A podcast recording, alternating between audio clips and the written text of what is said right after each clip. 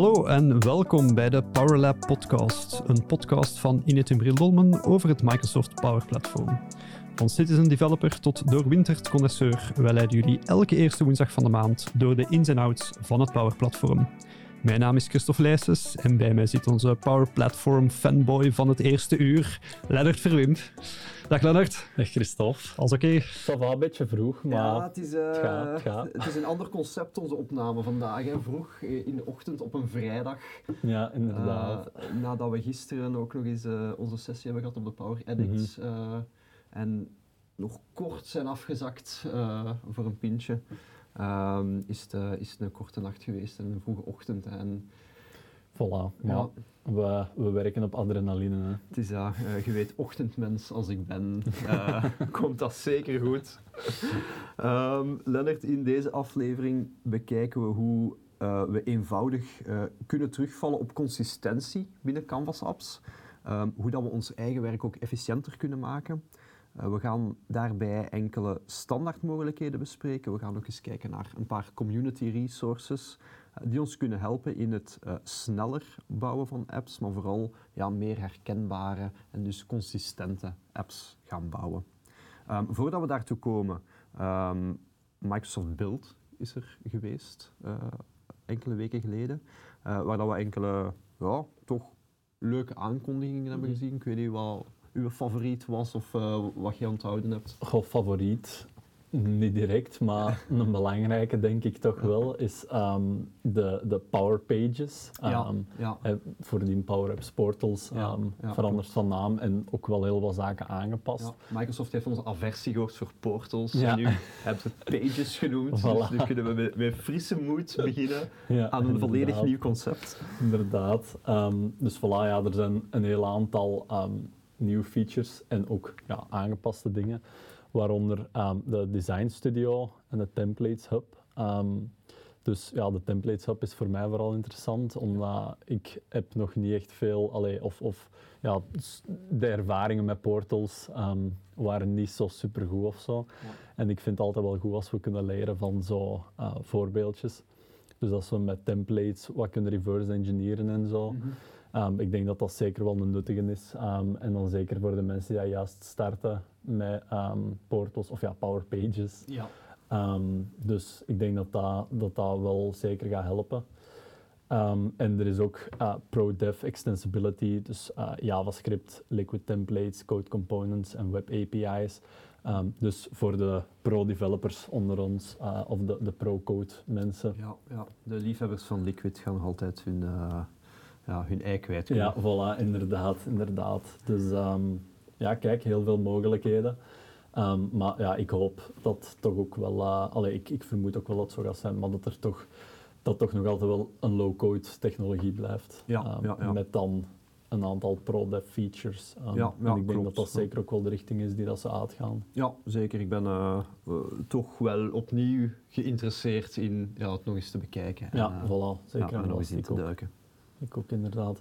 En dan een andere, um, wat dat wel een hele coole clickbaity um, uh, titel is in alle artikeltjes. Um, ik heb het op LinkedIn ook heel vaak zien passeren. Ja. dat is nu de, de express design in Power Apps. Dus mm -hmm. Power Apps bouwen vanuit design files. ik heb ook een artikeltje gezien. En dus wat het eigenlijk is, is ze hebben uh, Figma uh, functionaliteiten toegevoegd. Dus ja. uh, Figma is eigenlijk um, iets ja, waar een wireframing tool, mm -hmm. als ik het goed begrijp. Ja, um, dus designers, uh, we hebben ook al contact gehad met designers binnen, mm -hmm. binnen in het Umbril Dolmen, um, die dat er mee kunnen werken. ik heb zelf Figma ook bekeken, maar ik was er zo niet direct mee weg. Dus ik zou er iets meer tijd moeten insteken om het echt volledig te begrijpen. maar dat gaat ons dus eigenlijk toelaten om makkelijker met designers samen te werken mm -hmm. en hun designs eigenlijk rechtstreeks te vertalen naar uh, de Canvas app. Ja. Dus um, daarnaast is het ook mogelijk om um, een foto te uploaden uh, van ja, iets wat je gewoon getekend hebt of een of ander papieren formulier. Um, en Power Apps gaat daar dan automatisch mm -hmm. een formulier van proberen te maken. dan gaat een voorstellen doen van is dit een label, Um, is dit een tekstinput? Um, is dit, eh, dan kun je dat bijvoorbeeld aanpassen door daar een ander type veld van te maken. Ehm, dus ook wel iets heel cool. Ehm, ik heb op LinkedIn iets zien passeren van ehm, napkin prototyping, dat Mhm. iemand op zo'n servetje zo'n formulier Ah, had gemaakt Ja, en dat ja. dan had geüpload. Ja. Ehm, maar ja, jij had het een keer uitgeprobeerd. Ja, ja ik, eh, ik was ook wel getriggerd eh, door ja, hoe, hoe, hoe werkt dat nu. Ehm, wat ik had gedaan was ehm, ja, een aantal oudere formulieren van, van mijn aantal klanten gezocht. Ehm, en die eigenlijk gaan gebruiken. Dus was een, een, ja, een formulier met redelijk wat inputvelden op. dat op een ja, verouderd website, ehm intranetachtig portaal stond. Dus daar een screenshot van genomen en eigenlijk geïmporteerd. En het werkt, hè, de essentie werkt inderdaad. Je hebt dan mooi de tekstvelden die je, ehm, die je automatisch herkent. Dus ga selecteren, je kunt daar eventueel nog eh, bepaalde types aangeven. Dus je gaat zelf een drop-down herkennen, eh, maar je zou die kunnen veranderen dan. Eh, een beetje hetzelfde concept als AI-builder, waarbij dat we hè, die, die blauwe rechthoekjes zien rond een veld ehm, en rond tekst. Eh, dus je kunt labels gaan definiëren en dergelijke. Ehm, en van zodra dat je dat hebt gedaan, eh ga je alles importeren in Power Apps Studio, dus in een Canvas app. Ehm, en die essentie werkt. Dus je krijgt dan inderdaad al die inputvelden, al die labels. Ehm, waar mist het nog een beetje, of, of waar heb je er nog een beetje werk mee, is, is vooral in uitleiding, alignering daarvan. Want op mijn screenshot eh, waren tekstvelden eh, ja, een bepaalde hoogte. Maar het importeren in Power Apps, ja, daardoor werd dat tekstveld weer terug gewoon de standaardhoogte. Waardoor dat al die tekstvelden eigenlijk elkaar gingen overlappen. Alles veel te kort bijeengepropt zat. Ehm, het waren ook in totaal, ja, ik denk een, een, een veertigtal labels en tekstboxen samen. Ehm, die kregen dan allemaal, ja, je kent het wel, input 1, input 2, Mhm. input 3 als naam. Ehm, de neuroot in mij kan daar dan niet tegen, dus dan, dan moet ik 40 elementen gaan hernoemen. Eh, ja, eh, maar dat ligt misschien aan mij, dat laatste stukje. Maar ehm, ja, het, het, dus de essentie werkt zeker, maar ja, het is niet zo dat, dat je er geen werk meer aan hebt. Ja. Eh, dus dat is ja, een Oké. takeaway, denk ik. Ja, dus goed om eh, papieren formulieren of ja, oude pdf's of zo Ja. om te zetten. Ehm, en ja, van wat ik ervan begreep, is inderdaad, je hebt visueel nog wel werk, maar achterliggend worden ook wel entries aangemaakt in, eh, in Dataverse. Ja. Dus dat stukje bespaart u dan ook wel de tijd klopt, dat je niet klopt. die 40 dingen moet gaan Mhm. aanmaken ehm, in, in de database achterliggend. Dus zeker wel een goeie om een keer uit te proberen, denk ik. Maar ja, om echt ja, te, zo goed te worden als dat het klinkt, heeft het waarschijnlijk nog wel een beetje tijd ja, nodig. ja, klopt, klopt, inderdaad. En eh, ja, ik weet niet, wat was, wat was uw favoriet van eh, Microsoft Build? Ehm, ja, ik, eh, met, met al mijn experimenten die ik doe met virtual agents, vond, ik, vond ik die aankondiging wel interessant. Ehm, dus eigenlijk de Unified Canvas die we nu hebben of gaan hebben ehm, voor virtual agents en voor Azure Bot Framework. Eh, dus vroeger twee aparte componenten, waarbij dat Azure Bot Framework eerder ja, voor de pro-developers ehm, bedoeld was, ehm, om op die manier een chatbot te gaan bouwen. En de virtual agents meer ja, het low-code gegeven. Ehm, nu eigenlijk in één interface, eh, waarbij dat je heel eenvoudig kan switchen tussen dat visuele en, en de code editor. Wat maakt dat ja, zowel citizen developers als de pro-developers eigenlijk in dezelfde interface hun ding kunnen doen.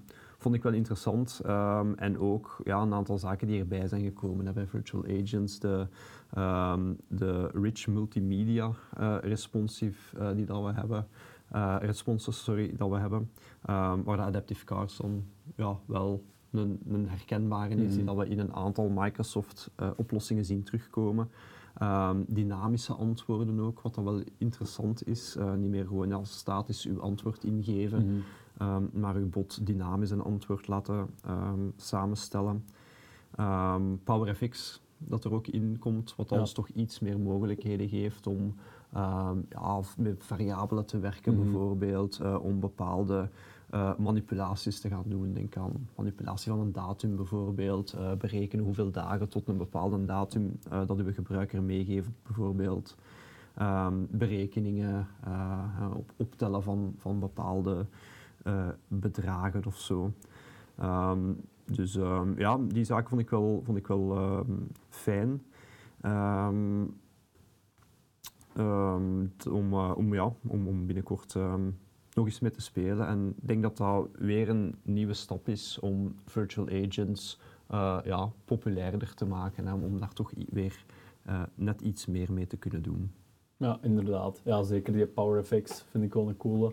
Omdat dat dan er toch voor zorgt dat, want nu bijvoorbeeld tussen Canvas apps en eh, Canvas apps gebruikt dan PowerFX, maar in Power Automate, als je daar de expressies gebruikt, is die syntax vaak zo iets anders. Ja. Uiteindelijk, ja, als je een keer, een keer googelt, als je niet weet, of als je, als je een keer een andere functie probeert, dan lukt het wel. Maar het feit dat nu dan toch PowerFX een beetje de Mhm. standaard wordt Ja. voor Power Platform is zeker wel, eh, zeker wel goed, vind Ja, ik. ja klopt. Inderdaad, klopt. Ehm was nog een laatste interessant iets, het, embedden van Power Automate ehm, binnen apps ehm, en het eh, PSU Go model. Dus de mogelijkheid om Power Automate flows ja, binnen een, een andere SaaS-applicatie te gaan gebruiken, bijvoorbeeld. Eh, het voorbeeldje dat Microsoft gaf was Adobe Sign, eh, dat hun launchpartner was. Ehm, dus eigenlijk om ja, binnen Adobe Sign een bepaald proces te gaan opzetten aan de hand van Power Automate. En vroeger was het, eh, gebruikten we vaak andersom, dat we Power Automate en dan de Adobe Sign connector gebruikten of, of de API Mhm. triggerden. Ehm, nu is het andersom. Ehm, wat dat wel interessanter kan zijn. En Power Automate ja, ook veel breder ja, bruikbaar laat zijn. Mhm. Eh, dat PSU Go-model, daar was nog niet heel veel rond bekend, ehm, maar dat zou tijdens Inspire in eh, juli eh, zou daar meer informatie over komen. Dus, ehm voilà. Dus, Daar wachten ze nog op hoe goed dat de feedback is ja, misschien. ja, voilà, inderdaad. inderdaad. Maar ik vond het wel interessante beeld-aankondigingen. het waren wel een paar ja, leuke nieuwigheden Mhm. ehm, rond het Power Platform.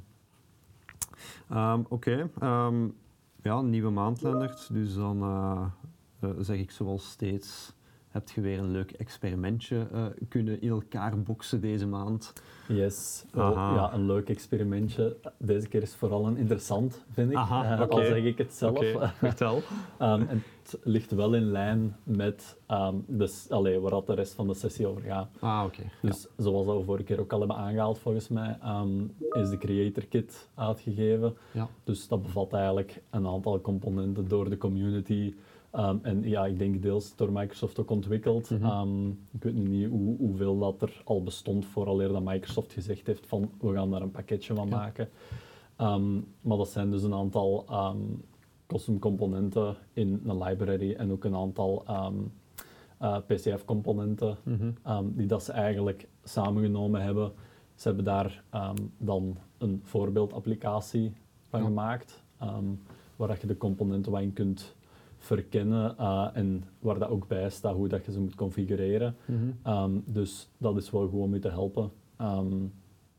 En ja, dat leek me dus wel nuttig. Hè. Er zitten zeker veel componenten in ehm, die daar ja, vaak gebruikt worden. Mhm. Ehm, dus ja, zoals Microsoft het bedoeld heeft Ja, ook natuurlijk. Ehm, en daarmee ben ik eens aan de slag gegaan. Dus dat is wat je hier ziet. Ik ga nog eens rap even switchen naar de lijst, een old, eh, de lijst die dat je standaard kunt genereren uit eh, in Canvas apps, even om eh, ja, de, Ja. de basics te tonen. Onze gekende gallery view. Ja, voilà, inderdaad. Dus dat is via het new screen Mhm. eh, en dan list. eh, en dat is hoe we dit genereren. En dan kunnen we daar eigenlijk ehm, ja, bepaalde data in tonen. Maar ja, Ja. hier zijn we heel gelimiteerd.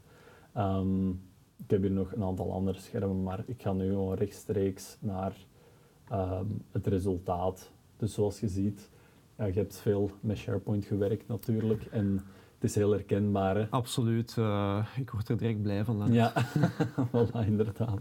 Maar dit geeft dan de extra flexibiliteit dat die, eh, ah, die balk hier bovenaan. Hè, dus ja, ik zal misschien even beschrijven wat dat de main componenten zijn Mhm. die ik hier heb Ja. gebruikt. Dus links hebben we ehm, de navigatiecomponent. Ehm, bovenaan hebben we de menu component, uh, als ik de echte namen een keer wil Ja. bekijken. En voor de, de luisteraars, de mensen die dan niet kijken op YouTube, misschien ja, beschrijven dat de menu-component inderdaad ja, de, eh, het gekende hamburger-icoontje is met een aantal iconen onder, ehm, waar dat we dan op kunnen klikken en er dan Mhm. een menu komt uitschuiven. Ehm, dus, dus ja, echt zoals dat, dat we kennen van op websites of andere apps. En eh, dat eh, ja, een, een, een mooie, mooi weergegeven zoekbalk aan de rechterkant staat en, eh, en enkele menus om ehm, ja, zaken te gaan toevoegen, te downloaden, te delen. Eh, dus eigenlijk ja, de, inderdaad een beetje de, de gekende SharePoint menubar eh, Ja, die dat daar ook staat. Hè. En dan ja, daaronder, dus bovenaan hebben we de command bar met de new item. Als je dan een item selecteert, kun je dat gaan editeren, kun je dat gaan deleten. Ja. En dan daaronder hebben we eigenlijk eh, de fluent details list, zoals het heet. En dat is eigenlijk gewoon ja, een, gewone lijst, hè, een Ja. SharePoint lijst. Eh, met van die bolletjes voor, dat je items kunt gaan selecteren en zo verder. Ehm, dus ja, eigenlijk met een paar componenten kun je wel een heel mooi scherm maken. Mhm. Ehm, het, is, het maakt gebruik van, Flu- van Fluent UI. Ehm, dus alles ziet er heel herkenbaar uit, de icoontjes. Je Ja. hebt ook zo die, die schaduw hier eh, achter dat lijstje, wat dat, ja, waardoor dat lijkt dat zo uw lijstje met de command bar eigenlijk zoals zweeft boven ja. al de rest. Ehm, dus het ziet er allemaal heel goed uit. En ehm, het is vooral ook heel goed ehm, ja, als je later nog iets moet gaan toevoegen of gaan bewerken of Mhm. zo.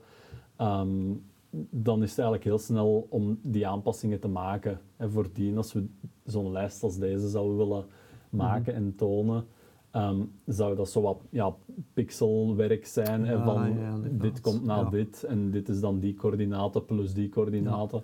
Maar als je dan in het midden een kolom zou willen bijvoegen, ja, dan moet je eigenlijk alles terug gaan aanpassen. klopt, en dat is hier totaal niet het geval. Ja, ja, inderdaad. Ehm. ja, want de standaard gallery die kun je inderdaad ook een beetje tweaken en je kunt daar wat, eh, wat mooier gaan weergeven en icoontjes gaan zetten en dergelijke. Maar inderdaad, zoals al gezegd, eh, je zet er wel meer tijd mee kwijt, hè, omdat Ja, je het al, ja, allemaal heel mooi moet zetten. Eh, en ik denk om dit te bekomen binnen een standaard gallery, ja, dat het best wel wat voeten in de aarde heeft. Voilà, inderdaad. Ja.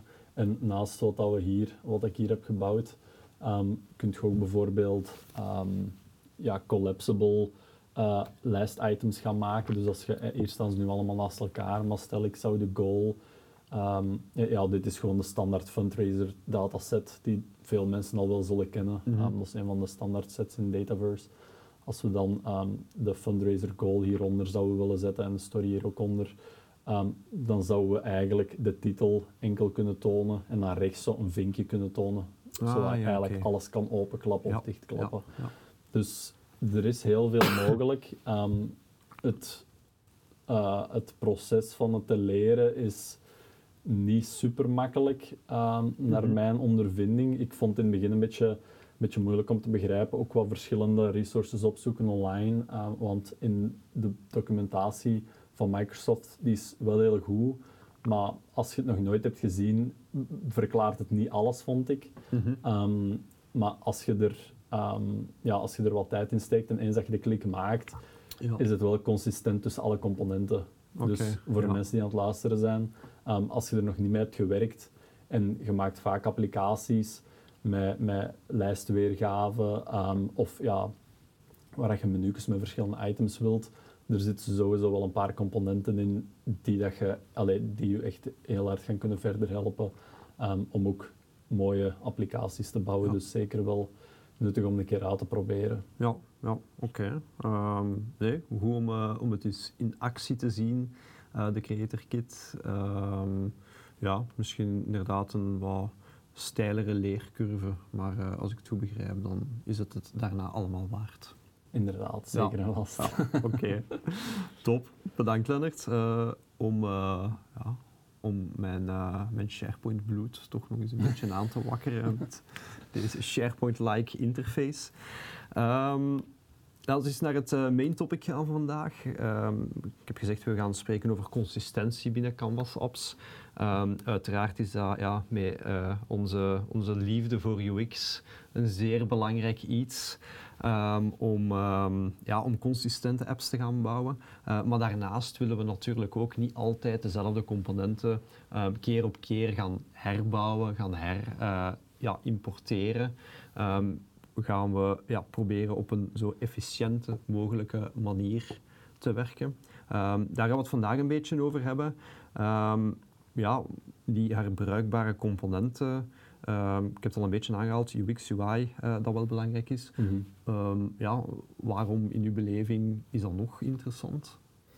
Um, goh, het is, eh, ja, UX, UI gewijs is dat belangrijk omdat als je binnen een organisatie dezelfde componenten gaat gebruiken, weten mensen ook van, ja, dat stond in die andere applicatie hier, mm -hmm. dus dat gaat hier nu waarschijnlijk ook staan. dus allee, dat is wel een belangrijke om op te letten. Um, plus ook gewoon, ja, het is voor uh, te developen makkelijker, omdat als jij bijvoorbeeld binnen je bedrijf een aantal componenten hebt ontwikkeld, moeten ze eigenlijk maar uit schap pakken als je ze nodig ja. hebt. Kunnen ze direct in je applicatie steken. Um, dus het spaart in die zin wel tijd uit. Mm -hmm. um, en ja, voor de gebruikers, zoals ik net zei, ze kennen de componenten, ze weten wat dat het doet. Uh, ja, en als je, op de, als je op de knoppen gaat drukken, uh, kunnen ze eigenlijk al verwachten wat dat er gaat -hmm. gebeuren. Um, ja. ja, inderdaad. Dus ja, herbruikbaarheid. Daarbij wil ik ook wel even vermelden. Um, als je merkt dat je heel veel applicaties aan het bouwen bent of gaat bouwen binnen je bedrijf, is het ook nuttig om daar zelf um, een keer wat componenten voor te ontwikkelen. Mm -hmm. Um, als, je, als je die kennis hebt, of als je, eh, ja, op zich is het niet super moeilijk als je, um, tenzij dat je PCF-componenten gaat ontwikkelen, ja, dat is ja. uh, misschien uh, een iets grotere stap om te zetten. Uh, maar om zelf zo'n library op te stellen, mm -hmm. dat is mhm. eigenlijk heel, of ja, relatief makkelijk. Um, dus dat is zeker wel aan te raden. Maar als je zegt van ja, zoveel applicaties gaan we niet ontwikkelen binnen ons bedrijf, ja. dan is het zeker een keer nuttig om toch naar je Creator Kit te kijken. Want een heel aantal van die componenten kun je ook gaan editeren. En dan ah, kun je daar bijvoorbeeld, ja. ja, als je want ze zijn ja, vrij neutraal, zou ik zeggen, -hmm. die componenten. Ja. Als je zegt van we willen iets meer de kleuren van ons bedrijf gaan integreren, dan kun je die componenten wel een beetje gaan tweaken ah, om, okay. om die toch wat meer um, ja. kleuren, kleur ja, te geven. Of echt je eigen smaak aangeven. En, ja, uh, ja, ja, voilà, inderdaad. Oké. Okay. Um, ja, ik denk inderdaad, uh, wat dat je zei, heel belangrijk voor, die, voor je gebruikers. Hè. Mm -hmm. um, dat die dezelfde look en feel hebben, dat altijd terugkeert. Uh, helpt dan weer bij user adoption, uh, helpt bij ja, gewoon de user-friendliness van je, van uw applicatie, denk ik dat dat, dat, dat heel belangrijk is. Hè. Um, Oké, okay, die herbruikbare componenten, we hebben wel wat verschillende mogelijkheden hè, binnen Power Platform om dingen herbruikbaar te maken. Ja, ja, inderdaad. Dus de twee dat ik al heb aangehaald zijn uh, ja, de component libraries die je kunt gaan opstellen uh, met de, ja, de custom componenten. Mm -hmm. Dus als je in je Canvas app zit en je hebt links een tree view, um, ja. dan zie je bovenaan een tabje screens waar dat eigenlijk al je componenten van je huidige app in staan. Dan heb je ook een tabje um, library, denk ik, of components, um, waar dat je naar kunt switchen. En daar kun je dan eigenlijk zelf bijvoorbeeld een aantal buttons gaan toevoegen. Mm -hmm. een simpele component, ik denk een van de eerste die ik zelf heb opge opgesteld op die manier is een datepicker, waar dat links en rechts zo'n pijltje stonden, dat je eigenlijk ah ja, een weekje naar links kunt gaan of een weekje ja, naar rechts kunt gaan.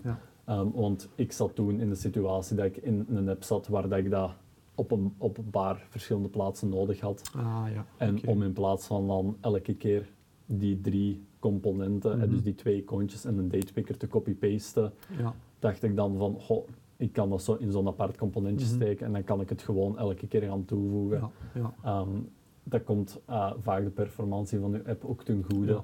Um, omdat je dan eigenlijk met minder componenten zit. En hoe makkelijk is het, Lennart, om zo'n component dan te updaten daarna? We hebben nu twee pijltjes, maar stel dat dat voor een of andere reden toch niet zo heel duidelijk is en ik wil dat veranderen naar een plus en een mini-koontje mm -hmm. bijvoorbeeld.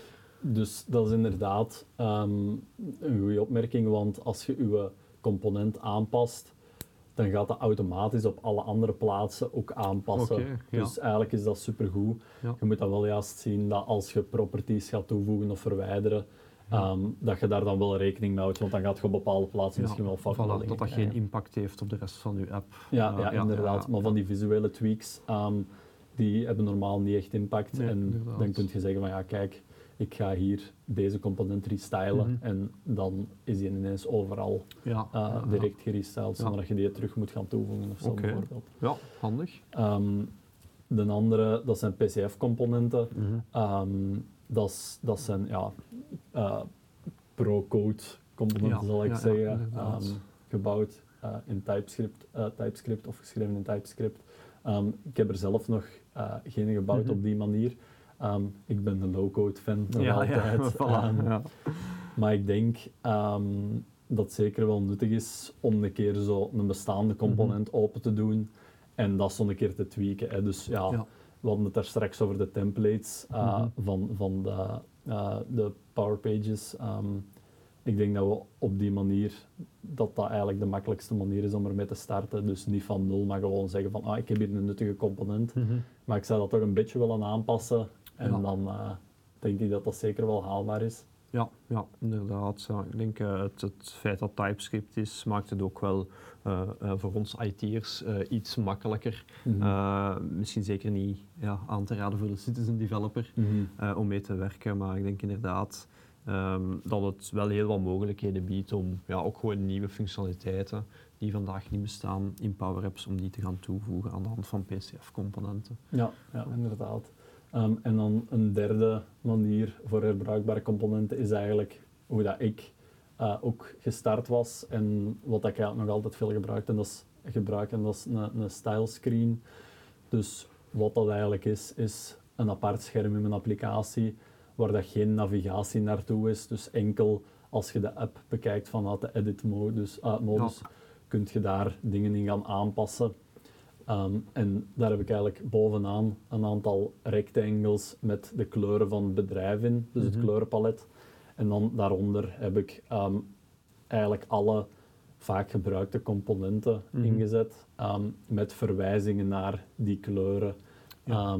zodat eigenlijk als ik één kleur aanpas, gaat dat in al die andere componenten ook aanpassen. Ja, ja, oké. en ja. die componenten copy-paste ik dan als ik die nodig heb. Dus als ik een datepicker nodig heb, ga ik naar dat Mhm. screen, copy-paste ik die en dat zorgt er dan voor dat die verwijzing altijd intact blijft. Ja, eh, blijft. ja. Dus als ik dan één kleur aanpas, ehm, dan gaat eigenlijk heel mijn app meteen Mhm. gerestyled worden. Ja, ik ben een, uh, een grote fan van uw stylescreen. Voilà. Uh, Dank u wel. Het is ongelooflijk uitgebreid, alles wat je daarin hebt gezet. En het is inderdaad, uh, ja, zoals gezegd, super handig als je um, start bij een klant. Je maakt één keer je huisstijl, je kleur, je zet alles goed. Altijd dezelfde componentjes die dat je vanuit dat scherm gaat copy-pasten. Um, en dan later, als je een tweede, een derde, een vierde app bij die klant bouwt, Mhm. um, het, het is altijd gebaseerd op dezelfde stylescreen. Hè. Ja. Uh, en dat maakt inderdaad dat je die consistentie hebt, dan een drop-down er altijd uitziet als die een drop-down voor die specifieke Mhm. um, organisatie met die specifieke ja, stijlen, kleuren, uh, uh, branding, um, design, noem maar op. Dus ik denk dat dat ja, misschien wel de, de meest snelle of eenvoudige manier Ja. is om cons consistentie te bekomen. Hè. Ja, ja, inderdaad. En je moet daar ook niet direct dat volledig stylescreen voor uitwerken. Hè. Ja. Um, je kunt gewoon starten met een aantal kleuren um, Mhm. waar dat je dan naar verwijst. Dan kun je daar zeggen van ja, kijk, ik, gebruik, ik maak heel veel applicaties waar ik een tekstinput en een label voor nodig heb. Ja. Dan kunnen ze gewoon een label template opstellen. Allee, of ja, label template noem ik het, maar eigenlijk Ja. is het gewoon een label um, met het design dat je wilt. Mhm. Um, en dan een tekstinput bijvoorbeeld. En dan heb je twee componentjes die je gewoon vaak kunt gaan gebruiken. Ja. Um, dus je kunt dat eigenlijk opstellen van, allee, naar gelang van de componenten die je zelf vaak gebruikt. Mhm. Ja. Um, Ja. En die kan ook groeien, dat is bij mij ook gebeurd. Hoe meer power apps dat ik maak, hoe groter dat die stylescreen ook is geworden. Ja. En nog een andere nuttige tip um, is, we hebben het al gehad over uh, als je um, power apps in Teams maakt, hè, dus Mhm. met Dataverse voor Teams. Die apps hebben zo de styling van Teams. Hè, dus die tekstinputs Ja, hebben zo dat paarse lijntje onderaan. Mhm. Die datepicker ziet er beter uit. Ja. Ehm, die componenten, als je die wilt gaan gebruiken in je andere Canvas apps, die zitten bij mij ook in die style screen. Dus als je die Ah, eigenlijk Ja. kop- eh, kopieert uit die Dataverse for Teams app, Mhm.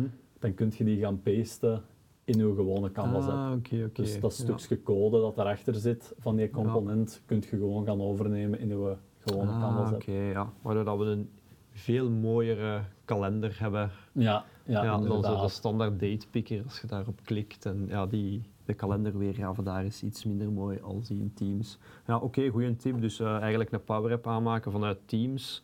dus gebaseerd op Dataverse voor Teams. Mhm. Ehm, daar eigenlijk de componentjes eh, die daar ja, anders zijn dan in onze standaard eh, Power App Studio. En die gewoon copy-pasten naar een andere app.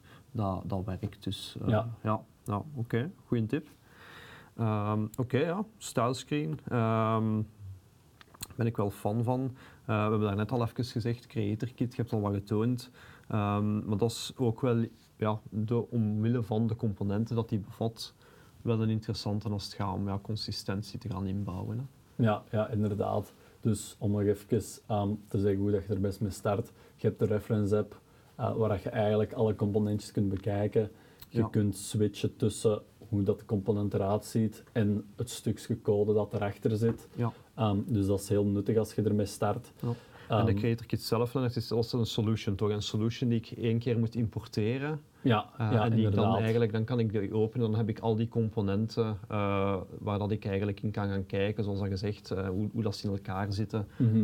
Maar de eerste stap is die solution eigenlijk gaan Ja, ja, inderdaad. Dus hoe dat je eigenlijk van helemaal in het begin start, je zoekt op Google Creator Kit, Ja. Ehm, dan ga je daar ergens een zipje kunnen downloaden Ja. en je gaat dat direct vinden. Ehm, als je dat zipje hebt, gaat je naar je solution. Je moet daar eerst ehm, een setting enabelen om, eh, om die PCF-componenten eigenlijk toe te staan. Ja. Ehm, als je die setting hebt geënabled, kun je, dat, kunt je je zip gaan importeren in Solution. Mhm. En dan eh, staat eigenlijk het pakketje gedeployed op je omgeving Ja. en kunt je die componenten gaan binnenhalen ehm, in je applicaties. Oké. Ehm, zoals ik al zei, er zijn een aantal componenten eh, waar je heel snel mee kunt van start gaan. De, de quick win componenten zal ik ze noemen. Mhm. Ehm, en diegene daar zijn de spinner, ehm, de, de header component, eh, de search box en de progress indicator. Ja. Ehm, ja, ik denk dat de naam wel beschrijft wat dat ze doen. Ja, ja, ja, klopt. Ehm, inderdaad. Ja. Dat zijn van die componentjes die dat gewoon ja, heel vaak gebruikt worden. En daar zit Ja. ook niet superveel logica in. En dus kun je ze heel makkelijk gaan, importeren, eh, Ja. gaan, ja, of gaan integreren in je applicatie. Dialogbox vind ik ook wel een goede. Ja, ja, inderdaad. Dat dat ook wel zo'n typische is dat je zelf ook, of dat, dat wij alleszins zelf ook al wel een keer vaak Mhm. gebruiken. Ehm, en het is niet heel veel werk natuurlijk om dat van scratch te bouwen. Mhm. Uh, maar het, is, ja, het bespaart je gewoon tijd. Hè. Ja, dus, ja, het, is, het, is, het is weer die consistentie. De reden waarom dat ik de dialogbox hier niet eh, bij heb gezet als quick win component is omdat eh, de logica die erachter zit, Mhm. ehm, is voor de citizen developers, denk ik, alleen die dat er nog niet mee in aanraking zijn Ja, gekomen, ja. is de logica moeilijk om direct mee te starten. Nu, ja. als je de tijd hebt, eh, als je als je even naar die documentatie kijkt en Mhm. je ziet daar wat voorbeeldjes van, Ja. Ehm, dan zullen er wel direct mee weg zijn. Ehm, maar omdat een dialogbox is eigenlijk eh, flexibel opgebouwd. Als in, je kunt onderaan, heb Mhm. je ja, standaard twee buttons, maar je kunt er daar drie van gaan maken of vier. Ehm. Dus dat is eigenlijk een klein galleryke. Ja, ja, ja. En dan moet je ook eh, gaan zeggen van, kijk, als je, je hebt ene property, eh, Mhm. on button select denk ik, Ja. Wat moet er gaan gebeuren als je op de knop drukt? Maar dan moet je eigenlijk in een tabletje gaan, of ja, niet in een tabletje, je moet met logica gaan beschrijven van als de label van die een button deze waarden heeft, dan Mhm. moet er dit gaan gebeuren. Ah. Dus allee, er zit Ja. wel logica achter, Ja, ja. op zich niet super complex. ehm, en dat is ook ten voordele van de, eh, van de, de flexibiliteit. Mhm. Ehm, maar het is niet zoiets van, goh, ik zet het hierop en het werkt eigenlijk al. Ja, ja, oké. Ja. Ehm, en een andere ehm, dat ik nog eh, zou willen vernoemen hier is, ik moet nu even gaan kijken, de elevation component. Dus dat is eigenlijk de component, dat is eigenlijk gewoon schaduw. Oké. Ik was echt allerlei dingen aan het bedenken. De elevation component, dat ik de, de hoogte waarop ik mij bevind in mijn Ja. app of zo. Ja, oké. Nee, dat is eigenlijk schaduw, dus Ja. dat is gewoon een vierkantje dat je kunt gaan toevoegen en kunt gaan resizen. Ah, ja, Ehm, en dan oké. kun je ergens achter iets anders gaan Ja, zetten, waardoor Dat, dat lijkt dat dat zo wat relief kle- eh, Ah, creëert ja, ja, in. Ja, ja, en erover zweeft eigenlijk, wat dat je daarnet toonde. In je experimentje. Ja, inderdaad. inderdaad. Dus dat is, dat is eh, misschien zelfs nog de beste, vind ik. Ja, ja, ja, oké. Ehm, nee, oké. Iets anders eh, dat we nog moeten weten van de Creator Kit. Is, het- is het aan te raden voor een citizen developer bijvoorbeeld? Ehm, als je echt juist ermee start en je bent niet, allee, je vindt de eh, logica van tables ehm, en collecties en eh, misschien conditionals en complexe Mhm. conditionals, als je die zaken nog moeilijk vindt, dan zou ik het houden bij de quick win componenten. Ja. Ehm, als je daar toch al mee weg bent, eh, of je wilt je wagen aan, aan avon- avontuur, dan eh kun je zeker eens naar alle andere componenten Ja, gaan kijken ja, ook. Ehm. De documentatie is daar wel, wel heel belangrijk. Ja, oké. Ehm, en ja, daarnaast, eh, we hebben al gezegd dat eh, de Creator Kit eigenlijk geïnspireerd is door de community. Mhm. Ehm, er zijn ook vanuit de community een heel aantal ehm, extra componenten die niet in de Creator Kit zitten, die ook Mhm. wel nuttig kunnen zijn. Oké. Ehm, een loading spinner bijvoorbeeld, eh, dat is een voorbeeldje waar ik aan denk. Ja. De loading spinner zit al in de Creator Kit, Mhm. maar ik heb zelf eens ergens op LinkedIn, denk ik, zo een component zien passeren van een spinner. Maar ik heb er naar gezocht om er naar te kunnen linken, Ja. maar ik heb hem niet teruggevonden. Ah, Ik heb de ja. component wel op mijn omgeving staan, dus Ja. ik kan hem nog wel gebruiken, maar ik kan geen credit geven Ah, aan de persoon aan- dat hem ja, ja, gemaakt heeft. Eh, want ik heb hem niet teruggevonden. Maar dat was een spinner en die had eigenlijk een property ehm, waar dat je eigenlijk een nummerke kon invullen om Mhm. dan eigenlijk verschillende spinners eh, te gaan Ah, tonen. Dus ja, allee, ja. dat was gewoon, dat is een beetje een gimmick, maar nog altijd Ja. wel tof om, ja, ja, wel handig, hè. ja, voilà, ne- om toe te voegen. Ja. Ehm, en dan hebben we natuurlijk ook nog altijd, ehm, dat is wel een deel van de, de Creator Kit, een, gewoon een simpele icon Mhm. eh, waar dat we, als we de naam aanpassen naar een naam van een Fluent UI-icoon, eh, Ja. dus ja, we hebben daar websites voor waar Ja, we kunnen gaan kijken. Ehm, en dan gaat dat icoontje direct ook dat Fluent UI-icoon worden. Ah ja, oké. Ehm, ja, dus als we home typen, dat er bijvoorbeeld een huisje komt. eh, ja, bijvoorbeeld inderdaad. Maar ja, dat huisje hebben we natuurlijk al binnen Exact, eh, de ja. standaard Power Apps icoontjes, maar daar ga je het veel breder. Daar kun je bijvoorbeeld ehm, ja, een Excel-icoontje gaan toevoegen, ja, een. Azure-icoontje gaan toevoegen. Ik weet nu niet of dat die in de standaard componenten zitten, maar ik denk het niet. Hm. Ehm, dus ja, dat, is- dat is veel uitgebreider dan de standaard Ja, Power Apps eh, icoontjes. Ja, dus wie daar wat meer iconen wilt, of, eh, of de standaard Power-Apps iconenbuis. Ja, voilà, Ja. inderdaad. Oké. Ehm, nee, ja, nuttig. Dus we kunnen wel wat zaken gaan toevoegen ehm, die dat al bestaan binnen de community, die dan ons ook weer helpen ehm, om ja, die, die herbruikbaarheid en die consistentie te gaan creëren. En ja, dat is altijd hetzelfde eh, concept eigenlijk. PCF-componenten die ontwikkeld zijn door iemand die we makkelijk kunnen importeren in onze omgeving. Eh, en bij gevolg in elke app eigenlijk dat we gaan gebruiken, kunnen we die gaan hergebruiken. Ja, ja, inderdaad. Ja, oké. Ehm, we hebben ook eh, de mogelijkheid om zelf componenten ehm, te gaan eh, ja, in een soort van library te steken, Mhm. om die te gaan hergebruiken. Hè. Ja, ja, ja, inderdaad. Dus ja, dat is hetgeen wat ik daar straks ook al had gezegd met die datepicker. Hè. Dus dat is een voorbeeldje van zo'n component. Ehm, nu, of dat je die datepicker met die pijltjes links en rechts nu in heel je bedrijf wilt gaan Ja. verspreiden, dat, dat betwijfel ik.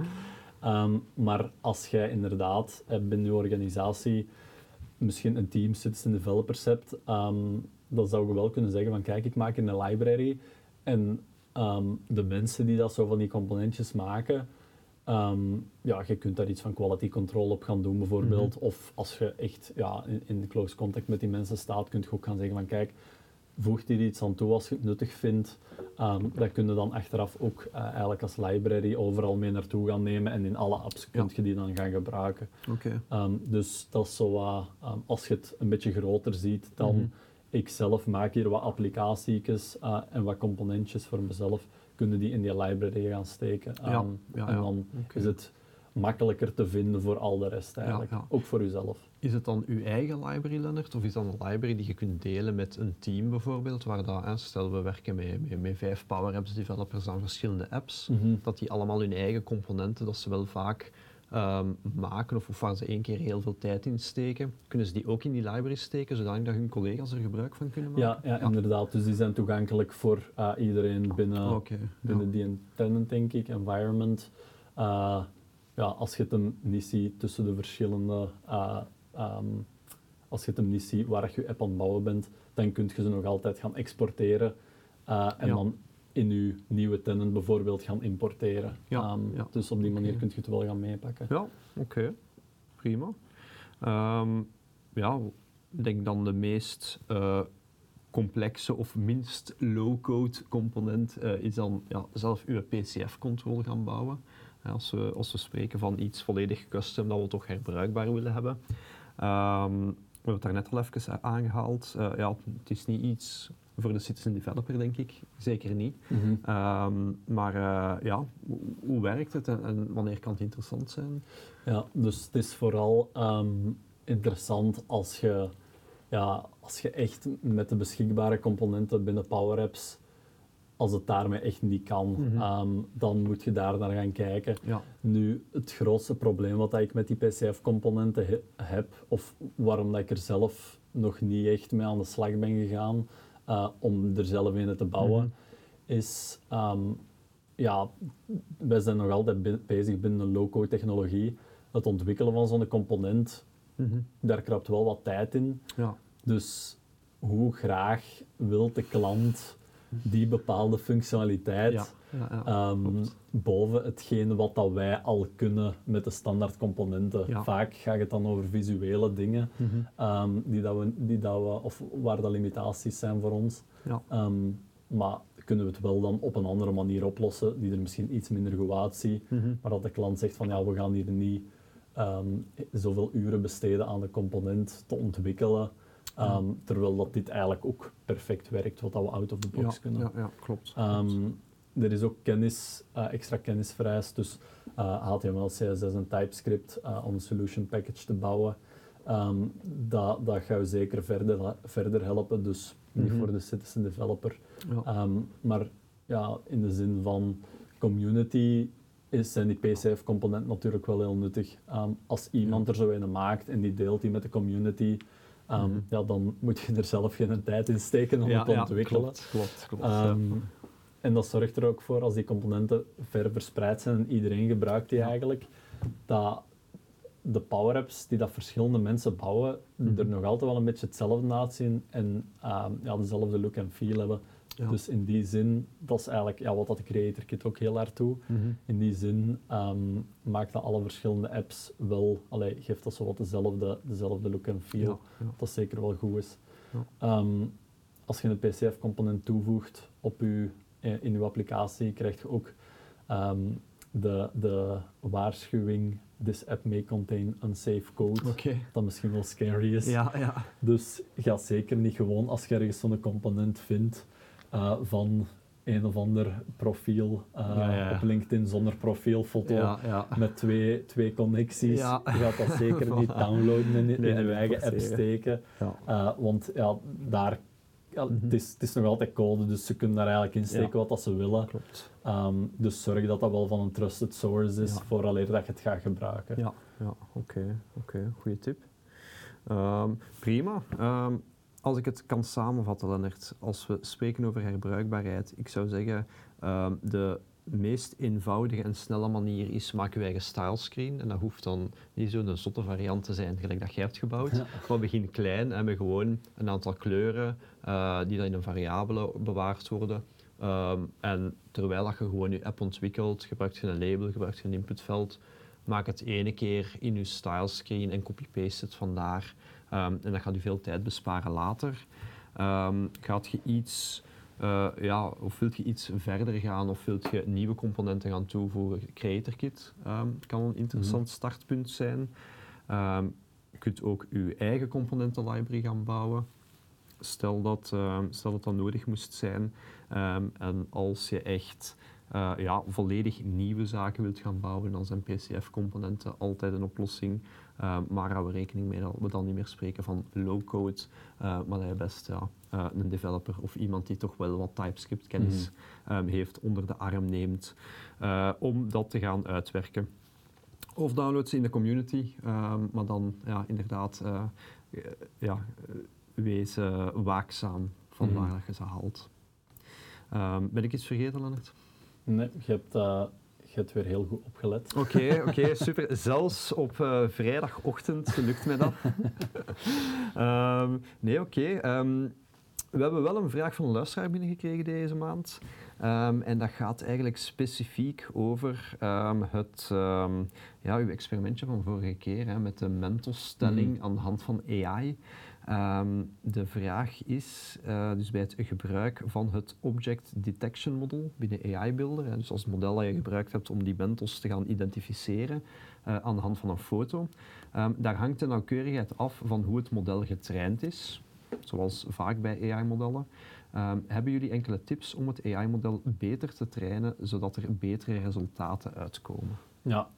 Ehm, Ik vermoed dat er iemand is die dat met tandenstokers heeft geprobeerd, want dat, dat was het probleem. Hè, Waarschijnlijk, ja. waarschijnlijk, inderdaad. Ja, dus ehm, inderdaad, het experiment vorige keer was op ja, echt het, het minimum afbeeldingen dat Ja. nodig waren, heb ik het getraind. ehm, omdat ik geen volledige fotoshoot wou doen Ja. met mijn, Met mentos. Ja. En het ding daar is inderdaad, uw model kan een pak beter worden als je het meer traint. Ja. Ik heb daar ook een aantal richtlijnen eh, voor gevonden in de documentatie zelf. Ehm, dus uw foto's moeten minimum eh, 256 x 256 pixels zijn. Ehm. Dat is, eh, voor zover dat ik het volgens mij begrijp, geen, dat is, ze raden dat niet aan, maar je kunt geen lage resolutie foto's uploaden. Ah. Ik heb dat gehad met de tandenstokers. Ah, is waar? Ja, oké. Blijkbaar. Ja. Want ik, ja, ik heb die dan opgezocht op, ehm, op Google om wat variatie te hebben Ah, eh, tussen mijn foto's, zodat ik niet overal gewoon enkel mijn bureau heb met wat tandenstokers op, maar dat ik ook andere achtergronden heb. Ehm, maar ja, ik verschoot ervan hoe weinig hoge resolutie foto's van Ah, tandenstokers ja, dat er waren. Ja, ja.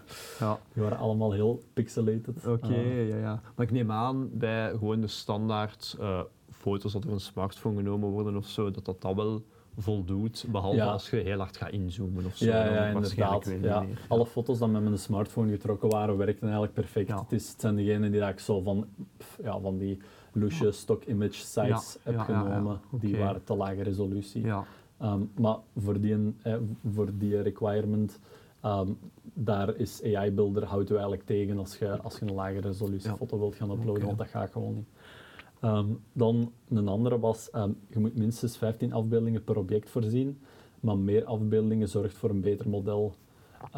Dus ja, dat spreekt voor zich, denk ik. Hoe meer foto's, hoe beter. Maar daarbij ehm, is het ook best als uw data gebalanceerd is. Dus eh, ze raden aan minstens een 1 tot 2 ratio eh, tussen de verschillende objecten uh, Mhm. in aantal foto's. Dus als ik voor één, als ik voor mijn, mijn, als ik mijn model train op Mentos en tandenstokers ja. en ik heb 500 foto's van Mentos, ehm, dan zou ik voor mijn tandenstoker min, eh, tandenstokers minstens 250 foto's moeten voorzien. Oké. ja. Ehm, dat zorgt ervoor dat je model gebalanceerd is Ja. ehm, en ja, dat dat ook beter gaat presteren. ja, oké. Dan natuurlijk gebruik realistische foto's die gelijkaardig zijn aan foto's die later ook gebruikt zouden worden. Dus varieer van achtergrond. Als je foto's hebt van die plant hier bijvoorbeeld, Mhm. Zorg dan dat je eh, verschillende van die planten hebt, dat je niet enkel Ah, die ja, ene hebt. Ja, Ehm, ja. waarom dat je van achtergrond moet gaan variëren. Een voorbeeldje dat ik daarvan had gevonden was, ehm, ze hadden een keer eh, een model getraind tussen, eh, waar dat ze het verschil wou kunnen opmerken tussen appels ehm, en citrusvruchten. Mhm. Dat is een voorbeeldje van Microsoft zelf. En de appels, ze hadden dan verschillende kleuren appels en zo, dus variatie was er wel. Ze hadden dan ook voor die citrus, eh citroenen, appelsien en zo verder. Ehm, dus ze hadden variatie, Mhm. maar ze hadden, de foto's van appels waren allemaal waar dat ze de appel in hun hand hadden. Ah, en de foto's van citrus was allemaal op een bord. Ja. Dus uiteindelijk trainde je model niet op de vrucht zelf, maar je Ja. traint je model gewoon van, is, staat er een hand in die foto of Ah, staat er een bord in die foto? Ja, ja, ja. Uh, dus in die zin moet, je, moet je zoveel mogelijk variatie gaan voorzien. Mhm. Ook verschillende belichting, verschillende grootte. Hij pakt een keer een foto van, uh, van vijf appels van ver weg en van twee appels van wat dichterbij en zo. Ja, ja, oké. Ehm, en ook verschillende camerahoeken. Ja. Ehm, dus dat zijn allemaal dingen waar je rekening mee moet gaan houden. Dat is ook wat we gezien hebben vorige maand, hè, waarbij dat je het waarschijnlijk thuis wel, eh, je mentos altijd thuis Mhm. op, op jezelfde bureautafel hebt getraind, maar we kwamen hier in de studio, we hadden een witte tafel met daar witte Mhm. mentos op, onze belichting was anders, had je schaduwen Ja, eh, en dan ja, zag je inderdaad dat dat model ja, er iets moeilijker mee overweg kon. hè. Ja, ja, Ja. voilà, inderdaad. Oké. Eh, nee, goede tips, Lennart. Ehm, ik denk dat dat wel interessant is eh, voor het, ja, voor het AI-model te trainen. Ehm, zoals steeds met AI, ja, hoe meer dat je erin steekt, hoe beter dat het eh, gaat werken natuurlijk. Hè. Maar inderdaad, variatie is belangrijk. Oké, prima. Dan eh, zijn we er doorgeraakt, Lennart. Ja, Ehm, voilà. Dus we hebben het eh, ja, eh, goed doorstaan, denk ik, in onze ja, vernieuwde studio weer al. Dus uw binnenhuisarchitect Gijs heeft dat hier weer, ja, heeft zich weer laten gaan. Ehm, dan dank ik u, Lennart, om ehm, mij zo vroeg op de ochtend te vergezellen en voor uw wijsheden alweer rond het Power-platform. En dan zit het erop voor deze maand. Dit was de PowerLab podcast, een podcast van Inetum Dolmen over het Microsoft Power Platform. Bedankt om te luisteren. Vergeet niet te abonneren op je favoriete podcastplatform. En bezoek realdolmen.com slash powerlab voor alle resources en links die we tijdens de aflevering hebben besproken. Heb je zelf ook vragen rond het Power Platform of wil je een specifiek onderwerp aan bod laten komen? Vul dan het formulier in op de website of stuur een mailtje naar powerlab.realdolmen.com en wie weet bespreken we binnenkort jouw suggestie. In de tussentijd experimenteren wij lustig verder en horen we jullie heel graag volgende maand terug. Tot dan!